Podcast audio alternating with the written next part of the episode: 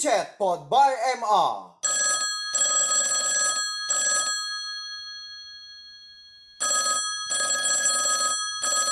Halo, Assalamualaikum. Waalaikumsalam warahmatullahi wabarakatuh. Cana, Saya Pak. ya Putri Indah Kencana. Ya nggak namanya benar. Ya bener. Nah, panggilannya Cana. Sekarang lagi di mana Cana posisinya? Eh, saya lagi di Polandia, tepatnya di kota Warsaw, di eh, Ursinov. War Warsaw. Masih di Warsaw Eropa. itu apa? Itu kayak kalau di Indonesia kecamatan, kabupaten, provinsi itu apa Warsaw? Eh, Warsaw itu kota, kayak kota Mataram. Kayak kota kota. Mataram gitu Ya, ya. kayak Mataram atau kayak Jakarta ya. Oke, Cana, eh mohon izin ya, hari ini saya di program Pod by MA ya tanggal 12 April hari Ahad.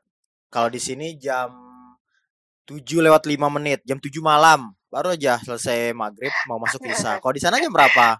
Kalau di sini jam 1 siang lewat 5. Hmm, jam satu- Bedanya 6 jam. jam 1 siang ya. Iya, beda 6 jam. Wah, itu lumayan Iya. lumayan juga kalau hubungi sama keluarga gitu ya.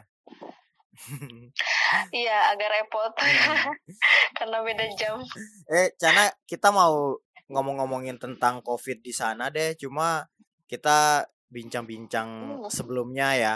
Ini kan masih banyak yang belum tahu nih. Iya, Saya iya, juga iya, belum iya. tahu juga Polandia Iya. ini posisinya di mana? Polandia ini kalau sampingan sama Jerman. Sampingan Jadi, sama Jerman. Kalau eh, mm, sebelah kirinya Jerman, Hmm. Sebelah kirinya Jerman, terus deket sama Slovakia, eh, Ceko, di Berarti sekitar situ lah. berarti ka- berarti kalau belanja sering ke Jerman gitu. Terus kalau jalan-jalan ke iya, gampang banget kalau misalnya ke Jerman kayak dari Sumbawa ke Mataram. Oh gitu. Oh, iya, tapi- pakai- tapi pakai apa? Pakai apa paling enak? Kalau kalau kita pelajar sih macam-macam ya. Kalau kita Hmm. pelajar misalnya kalau pakai bus ya sama aja 8 jam ke Jerman. Kayak dari Sumbawa ke Mataram pakai bus. Cuma Tap- kalau di hmm. Mataram, kalau ke Mataram kan harus lewat laut ya. Ya. Kalau itu darat semua ya. Kalau ini enggak. Kalau tapi kalau penerbangan sih kan paling sebentar ya, paling cuma berapa puluh menit. Berarti kalau kalau masuk ke Jermannya berarti paspor juga dicek kayak gitu ya. Sebelumnya sih kayak di apa namanya di busnya tuh udah diperiksa. Jadi Oh. mereka tuh sistemnya kayak periksa eh, paspor segala macam tuh sebelum busnya jalan. Jadi Hmm. bisa dilewatin. Tapi kalau misalnya saya pernah diperiksanya sih waktu itu di Perancis, pasti perbatasan Perancis. Kalau dilewatin harus diperiksa semuanya gitulah, sampai paspor segala macam, sampai dia nggak percaya saya memegang paspor Polandia. Ini enak enak banget berarti ya. Jalan sambil jalan-jalan sambil belajar gitu. Iya, karena kalau saya bilang sih lebih murah Hmm. jalan-jalan di Eropa dibandingkan di Di Indonesia. ya. Iya, saya ke Milan eh, pesawat dua jam cuma tiga ratusan ribu. Kalau misalnya di Indonesia Oh, tuh, ya? ya Oh. tiga ratus ribu tuh cuma sampai Lombok doang kan. Oh, iya. Eh, tapi sebelumnya Cana ini program Hmm. ini ya beasiswa pemerintah NTB ya, benar ya? Iya, iya, Oh. beasiswa pemerintah NTB. Yang batch berapa? Saya batch kedua. Mm-mm. Oh, batch Batch kedua. kedua. Hmm, di Polandia. Bet- Kemudian sekolahnya di Eh, di Vistula University, Oke, jurusan energi manajemen. Jurusannya energi manajemen. energi manajemen. Wow, energi manajemen apa itu? Kalau saya bilang, eh, kayak bagaimana mengolah eh, energi sih, kayak Hmm. bagaimana dia eh, pengaturannya, bagaimana sih proses energi itu. Tapi lebih ke kalau di sini dia masuknya ke ekonomi.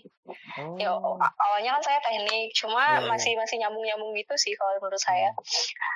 Ya. Dan kalau saya Hmm. lihat emang sistem pembelajaran di Eropa sama di Asia, apalagi Indonesia tuh jauh beda sih kalau menurut saya bedanya di mana bedanya? pribadi.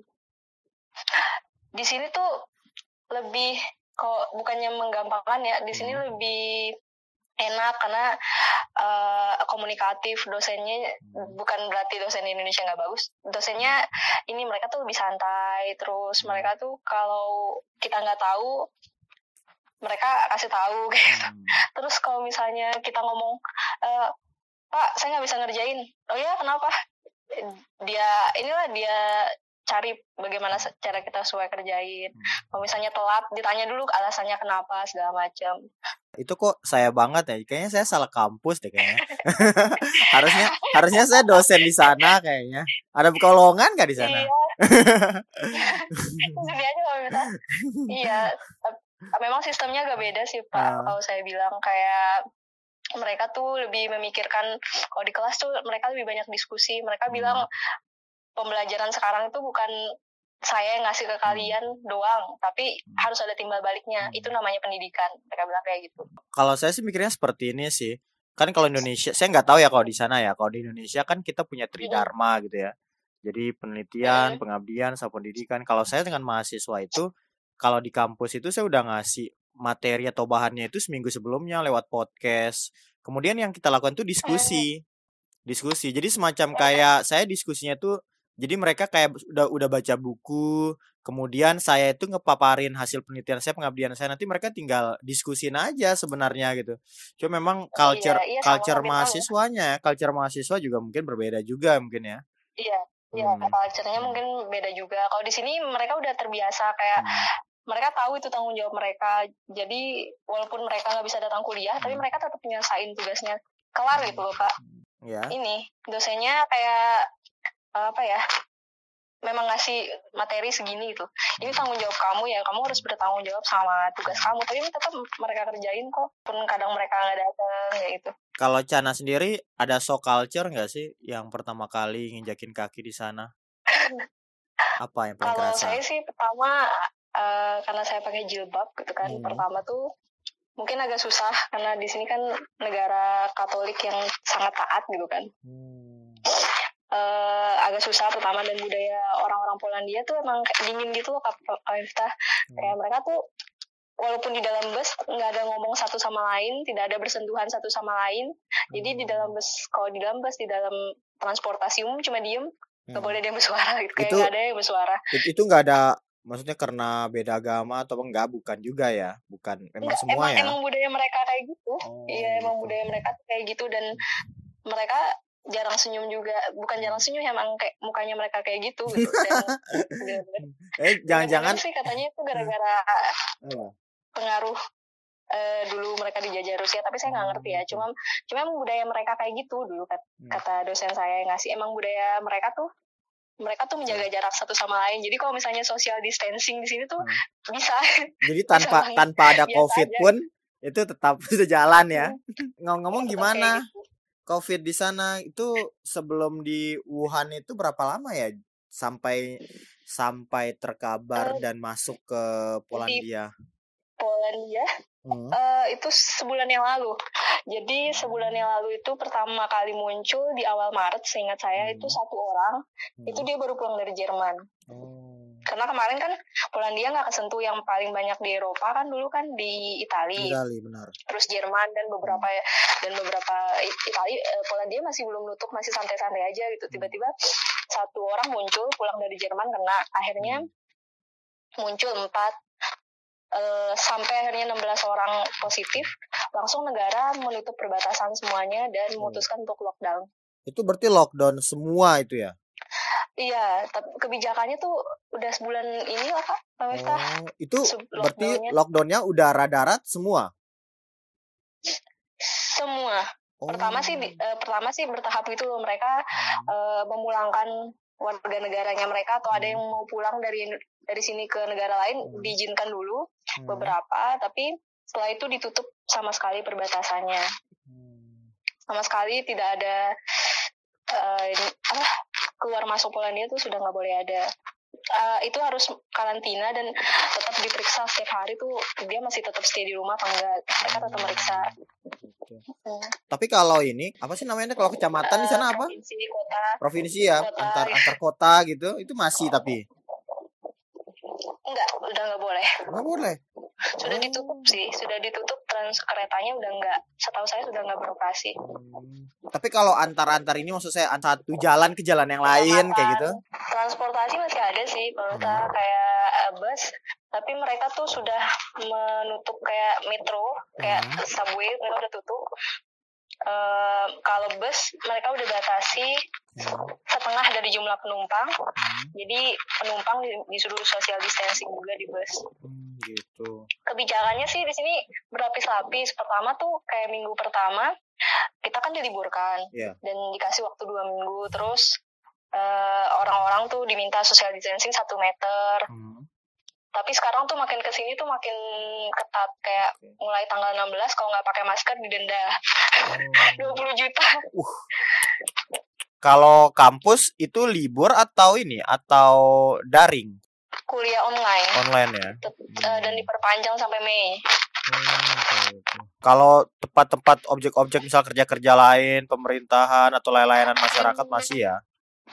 Yang boleh buka cuma apotek, Hmm, eh, rumah sakit, hmm. supermarket, sama bank. Selain Hmm. itu harus tutup. Termasuk restoran Eh, juga? Harus tutup, ya nggak Oh, boleh. gitu. Ke- kecuali kayak McD segala macam mungkin kalau antar delivery mungkin bisa. Hmm. Cuma itu sudah ditutup semua sih. Kalau market gimana? supermarket buka, cuma Hmm. agak ketat di dalam supermarket Hmm. eh, hanya boleh 50 orang. Jadi kita ngantri di luar tuh ngantri dan jarak satu orang yang ngantri ke orang yang lain tuh 2 meter. Gimana Cana pengamatan Cana masyarakatnya? Susah gak sih diatur? Kalau di Indonesia kan susah banget. Kalau saya bilang mereka tuh punya tanggung jawab moral yang tinggi sih. Kayak mereka tahu apa, mereka harus ngapain. Em, kayak di supermarket diharuskan dari pagi tuh sampai jam 12 itu untuk manula. Jadi nggak ada yang pergi ke sana gitu. Oh, Jadi, gitu. Sudah kayak gitu.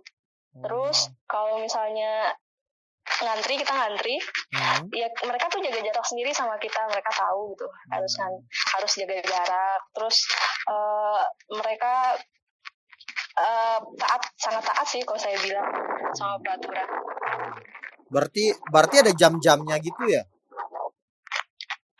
Iya ada jam-jamnya terus Oh. jumlah orangnya juga dibatasin kayak jumlah orang tuh harus eh, dua orang dalam satu kelompok kalau misalnya keluarga itu Ya. lima orang kalau di atas itu mereka kena denda di atas 20 juta Itu apa? Apa? Naik kendaraan maksudnya? eh, orang kelompok kayak misalnya kita- saya keluar nih Hmm. sama temen ya cuma boleh berdua doang nggak boleh di atas Oh, berdua nggak gitu. boleh jumlahnya lebih dari dua orang Itu ke mana pun ya? Ke mana pun. Karena polis karena semenjak saya kemarin keliling polisi eh, polisi terus tentara tuh keliling. Mereka Oh. ngelihat-lihat kondisi kondisi apa eh, sekitar gimana gitu. Iya, mereka di sini sih kalau menurut saya eh, kemarin Menteri Ekonominya sih sempat pidato yang bilang eh, mungkin ini banyak ngerubah kehidupan Iya. Eh, kita, tapi eh, ini satu-satunya jalan untuk menyelamatkan banyak nyawa. Jadi iya. kita kayak rasa iya bener bener. Juga. Jadi kita harus ikut berkontribusi. Yang positif akhirnya jadi berapa tadi? Yang positif sampai kemarin sih saya lihat terakhir 5.955. Di Polandia ya? Iya, walaupun udah Oke. di lockdown tetap banyak yang positif apalagi nggak lockdown gitu. Iya benar benar. Di sini emang kayak gini sih modelnya Hmm. mereka tuh kayak perhatian sama orang lain. Jadi kalau misalnya sakit langsung tahu diri lah harus ke sana gitu. Oke. Kalau teman-teman gimana kabarnya yang di Polandia? Ada berapa orang sih yang yang anak-anak NTB yang di Polandia yang dapat beasiswa? Ada sekitar 60 orang sih kalau saya hitung. Uh, banyak kalau di 60 atau 80 ya ditambah sama yang di kota lain kayaknya Hmm. 80-an deh. Eh, kita sih lagi ngadain penggalangan dana gitu buat diba- bantuan nanti ke depannya di NTB. Bagaimana penggalangan dananya? Yang koordinatornya bukan saya sih, cuma Hmm. dari yang saya baca-baca eh, tetap ada update keuangan keuangannya berapa, terus Hmm. nanti mau disumbangin ke mana itu masih diomongin. Kayaknya bakal ngasih bantuan makanan untuk eh, apa tenaga medis Oh, sama gitu. APD kayak gitu gitulah. Karena kita nggak mau ngasih kayaknya nggak terima uang juga sih kan orang yang di Indonesia sekarang Iya iya iya. iya. butuhnya APD. Oh. Hmm. Oh, nanti akan ditransfer ke yang ada di Indonesia gitu ya? Baru. Iya, akan Hmm, ditransfer ke yang ada di Indonesia nanti yang di Indonesia yang menghandle Hmm. Maksudnya penggalangan dana ini dari mahasiswa saja atau dari semua masyarakat di Polandia atau semacam kan kalau biasanya kalau ada ada problem-problem atau ada bencana gitu kan biasanya teman-teman ada yang seperti di pinggir jalan main gitar atau misalnya ada pentas tentang tarian di Sumbawa. Kan dalam keadaan kayak gini memang nggak boleh kan? Itu gimana? Itu kayak pengalaman dan lewat internet sih. Kayak kita eh, ini inisiatif mahasiswa NTB yang ada di Poland gitu kan. Supaya ya ikutlah berkontribusi meskipun kita nggak ada di sana gitu kan di Indonesia saat ini Wah keren juga teman-teman semuanya. Itu gimana semuanya kabarnya yang di Warsaw ya Warsaw, maksudnya Warsawa. Itu gimana? Sehat-sehat semua? Alhamdulillah sih sehat semua kita eh, kita tetap diupdate gitu kan kayak Hmm, kalau ada yang sakit bilang ya gitu. hmm, ya tapi alhamdulillah sih kalau misalnya kayak kemarin kasusnya saya kan sempat sakit. Hmm, kemarin banget sih sempat sakit alergi gatal-gatal. Ya saya langsung hubungin asuransi. Terus asuransinya tuh langsung tanggap langsung menghubungi dokter. Akhirnya langsung satu jam setelah itu langsung telekonferensi sama dokternya. Dokternya ngasih tahu gejalanya apa hmm, nanya gejala terus dikasih resep. Kayak hmm. gitu sih. Us, keren juga ya sistem kesehatannya di sana ya. Mm-mm. tapi kalau misalnya urgent Hmm, dokternya bakal langsung ke ke tempat kita langsung datang hmm. Termasuk penanganan COVID juga kayak gitu di sana ya. Hmm, Iya, kalau COVID mereka ada ini khususnya sendiri sih, ada hotline khususnya sendiri untuk di dihubungi langsung dijemput hmm. orangnya. Terus gimana teman-teman sekarang kegiatannya setiap hari dari pagi sampai siang, siang sampai malam semuanya? Iya, kebanyakan sih kayak eh, ngerjain tugas. Nah, Eh, kalau kita kan lagi nesis, eh, tesis, terus rata-rata karena lebih kalau di hari libur kayak cuma nonton, hmm. duduk-duduk dan kadang kan di sini nggak boleh keluar kalau misalnya nggak ada alasan kan pak Hmm. jadi kalau misalnya keluar tuh kalau mau belanja aja gitu kan. Atau misalnya berjemur baru mau keluar. Karena di, sekarang udah pelarangan kayak pergi ke taman. Udah dilarang Hmm. semuanya. Semua pihak Polandia. Supaya mengurangi penyebaran virus. Cana di lagi jemur berjemur juga nih berarti. iya pak. Abis dingin sekali abis sayang sekali matahari kalau nggak di nikmati di sini. Di sana jarang banget matahari ya. Iya, kalau di Iya, jarang sekali matahari dan dingin. Kalau di Sumbawa kan mataharinya dua katanya orang. Jadi bersyukur-syukur. ya. iya, bersyukur kita tinggal di Sumbawa. Hmm. Eh itu berarti Cana sekarang tinggal di asrama ya. Mm-mm. Asramanya Ya, itu sama. eh, full NTB atau gimana? Atau campur daerah? Em, campur dari negara-negara lain. Oh, Tapi gitu. kebetulan kemarin semua mahasiswa dari Polandia di sebelum diumumkan untuk lockdown disuruh pulang. Tiga Hmm. ribuan mahasiswa disuruh pulang kembali ke, ke rumah mereka masing-masing. Hmm. Dan sisanya cuma eh, international student. Terus kalau Hmm. international studentnya dianjurkan untuk nggak pulang karena katanya takut nanti ngebawa virus ke negaranya, Iya, jadi diem aja di sini dia bilang. Terus diminta kalau misalnya mau pulang lapor, soalnya kalau mau balik ke sini agak susah lagi, harus di karantina lagi, diperiksa lagi tuh bakal ribet katanya mereka. Jadi mending stay di sini karena eh, Menteri Pendidikan dan kampus pun kayak sangat memperhatikan si international student. Contohnya mereka menggratiskan dorm kayak gitu untuk mahasiswa internasional. Eh gimana? Ini liburan, lebaran, berarti memang gak niat pulang atau memang nggak bisa pulang gara-gara covid ini gimana ceritanya? Eh, lebaran kalau pulang sih agak susah karena tetap, Hmm. tetap masa-masa lebaran itu masa-masa waktu ujian. Tahun kemarin itu lebarannya pas saya, saya dan kawan-kawan energi manajemen dikirim untuk summer school di eh, pinggir kota terus kita cuma sholat idul adha eh sholat idul fitri itu cuma berlima berlima tapi kampus menyiapkan kayak ruangan segala macamnya kalau sekarang kan dalam kondisi kayak gini mungkin agak susah Iya, mau ke. KBRI aja kan mungkin jarang Mhm. Oh berarti memang nggak ada jadwal pulang ya? orang or- orang membayang susah ya membayangkan itu kayak kuliah di di luar Jawa apa luar Sumbawa atau di Malaysia. Kemarin kan saya telepon Yadi sama Puput. gitu. Karena mungkin dekat ya. ya mereka niat niat pula sampai ya Adi bilang itu saya sampai sampai puasa belum selesai saya tetap berusaha pulang. Mungkin biayanya juga biaya, biaya di sana berapa sih? Plan di Indonesia berapa? Eh, tiketnya? Hmm, hmm. jamnya? Tiketnya kalau tiketnya misalnya tiketnya. mungkin 20 jam ya. Saya kurang tahu kalau tiketnya bisa belasan minimal belasan ya? Hmm? itu minimal belasan ya? Iya belasan. Bisa sih kita kayak pulang versi-versi backpacker kayak lewat eh, apa pesawat yang murah gitu kan. Cuma sekarang kan Eropa udah nutup perbatasan Iya, dan benar. agak susah juga untuk keluar. Apalagi kalau saya pulang gitu kan, oh dari Eropa bisa ditahan. bisa ditahan bisa bisa tinggal di bandara iya, saya bisa tinggal di bandara ntar. Ya baik, eh, diam di sini aja biar keluarga juga tetap aman. Hmm. dan dan Cana belum pernah pulang sama sekali ya semenjak berangkat itu ya Belum.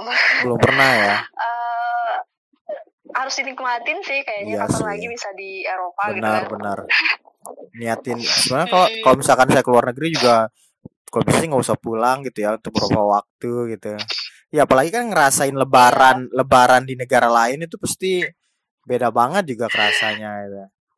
Eh, berarti ini tahun Iya, kedua ya Iya. Iya, ini tahun kedua. ini tahun kedua Iya, tahun kedua lebaran. oke Dan dan puasanya juga lagi musim-musim mau ke musim panas gitu, gitu kan. Jadi eh, kita buka puasanya sekitar jam 9 malam, setengah 9 jam 9, terus terawih hampir jam 11-an. Terus subuhnya udah jam 3. berarti sahurnya tetap tetap jamnya ya Tetap- jam 2. tetap jam 2 Iya, tapi buka puasanya jam 9. aduh agak teman-teman tuh kayak aduh gitu tapi nggak kerasa kalau di sini karena Iya, iya. cuacanya kan sejuk ya sejuk ya benar-benar sejuk nggak kerasa dan selalu ada aktivitas Iya, juga gitu untuk teman-teman semua Mm-mm. Hmm. itu pas lagi ujian lagi tapi kita Hmm. tetap puasa dan eh, orang-orang juga pada ngerti sih kalau misalnya kita lagi puasa oh ya mereka Hmm. mereka nggak nggak mengganggu atau apa sih segala macam mereka ngerti berarti ini lagi nesis berarti ya? Mm, iya Hmm. pak lagi nesis. Kalau lagi kalau boleh tahu apa judulnya? Tentang Indonesia atau apa? Masih konsul sama dosennya. Dosennya masih kayak kayak sibuk. Jadi Hmm. kalau di kan saya email terus gitu kan. Cuma udah udah mulai nyusun sih masalah apa eh manajemen energi di NTB tapi Hmm. Masih inilah masih secara umum lah saya nyarinya Hmm. ada ini ininya sama ekonomi gitu. nanti bisa dipakai di Indonesia di NTB tuh tesisnya Hmm. Insya Allah. Kebetulan kan di sini eh, eh, saya kan bersama beberapa teman juga kan yang mm, dari Sumbawa gitu kan dari NTB dari Sumbawa Eh, alumni UTS kemarin kan Hmm. Tapi mereka di negara yang berbeda dan ternyata yang lucunya beda negara beda peraturan gitu loh Hmm. Pak Miftah ya Hmm, kayak misalnya kalau di Portugal kan itu udah banyak, udah 10 ribuan. Jadi ke Hmm. mereka kalau keluar didenda hampir 50 juta kayak. Hmm. Yang lucunya eh, kalau yang di Yunani mereka mereka kan ya biasa-biasa aja gayanya Hmm. tapi tetap nurun jumlahnya. Walaupun Oh. mereka budayanya sering ngumpul-kumpul tapi nurun. dan mereka nggak lockdown juga Eh, lockdown mereka. oh lockdown itu- juga Em, mereka lockdown, mereka duluan lockdown dari Polandia. Di sini tuh ada yang, ada yang lucu Pak Miftah. Kemarin Hmm. teman saya cerita yang dari Itali. Jadi di Itali itu kalau keluar sekarang, kalau keluar tanpa alasan yang jelas akan dipenjara lima tahun. itu sama kayak yang di Malaysia kemarin saya telepon itu di penjara Oh, iya. Hmm. Iya, terus ada peraturan lain sih kayak mereka kan eh, di sini senang sama hewan kan. Jadi Hmm. kalau misalnya ngajak anjing itu keluar jalan-jalan itu boleh. Hmm.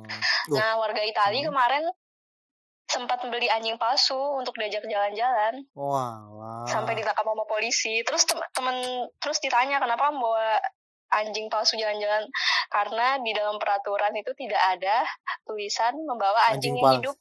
Oh, anjing asli hmm, ya asli. akhirnya mereka akhirnya pemerintahnya langsung merubah lagi kebijakan harus membawa jalan-jalan anjing yang asli Hmm. Itu di mana? di, di Itali emang Itali, saya ya? pikir emang Itali nih Akalnya. iya Tapi semua parah Hmm. banget ya dengan baca-baca beritanya. iya Hmm.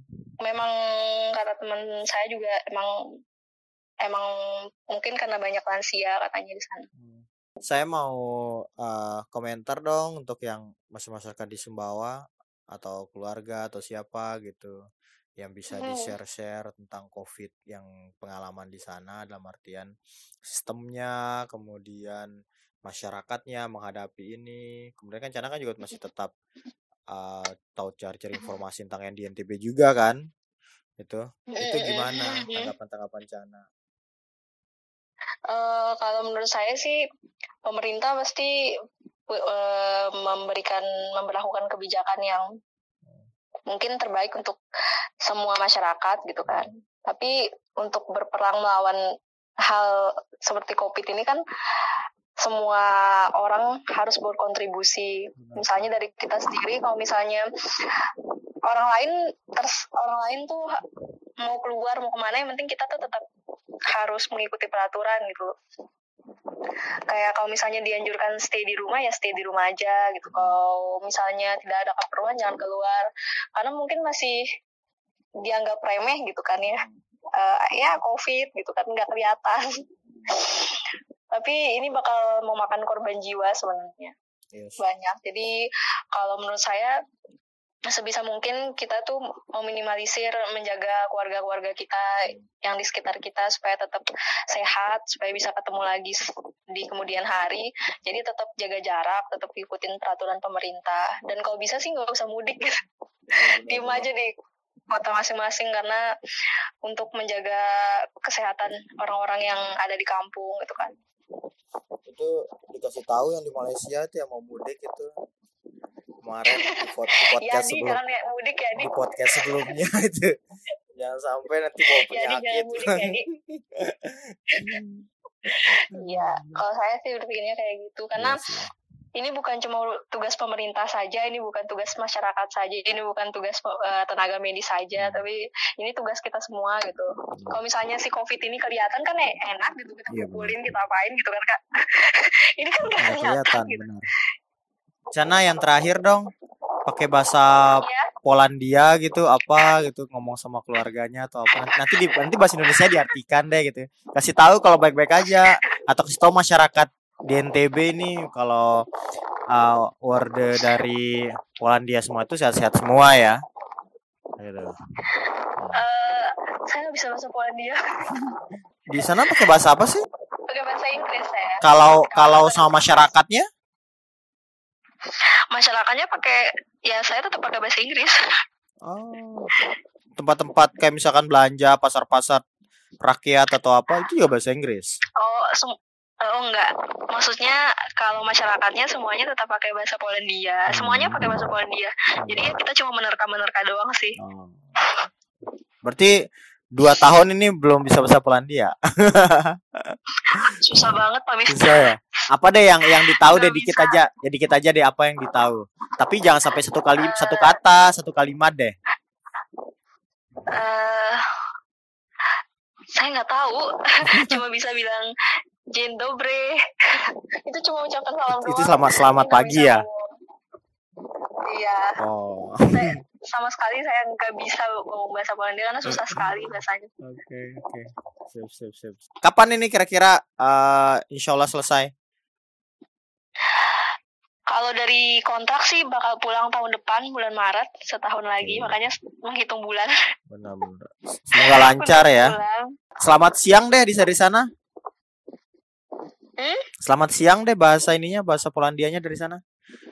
Eh, mereka cuma nggak ada pakai bahasa selamat siang selamat apa mereka cuma Oh. bilang Dzień dobry biasanya. Oh, itu untuk semua selamat ya. Kayak salam Dzień dobry gitu. Oh, termasuk selamat ulang Oh, tahun terus juga itu. Semua orang. Ulang tahun apa ya? Kalau gitu enak banget semuanya satu kata gitu. Enggak, enggak, enggak sama sekali nggak bisa bahasa Polandia karena susah cara bacanya juga susah. Oke deh, sip deh kalau gitu Cana. Makasih banyak ya. Ya, makasih banyak ya. Ya. Sampai ketemu di Eh, juga, Indonesia Malika. tahun depan. Ya, Atau saya yang siap, ke sana nanti. siap. Amin, Amin. amin. Ke sini aja. Oke, sip sip. Oke, makasih ya. Sip. Makasih, Yo. Assalamualaikum warahmatullahi wabarakatuh. Assalamualaikum. Salam.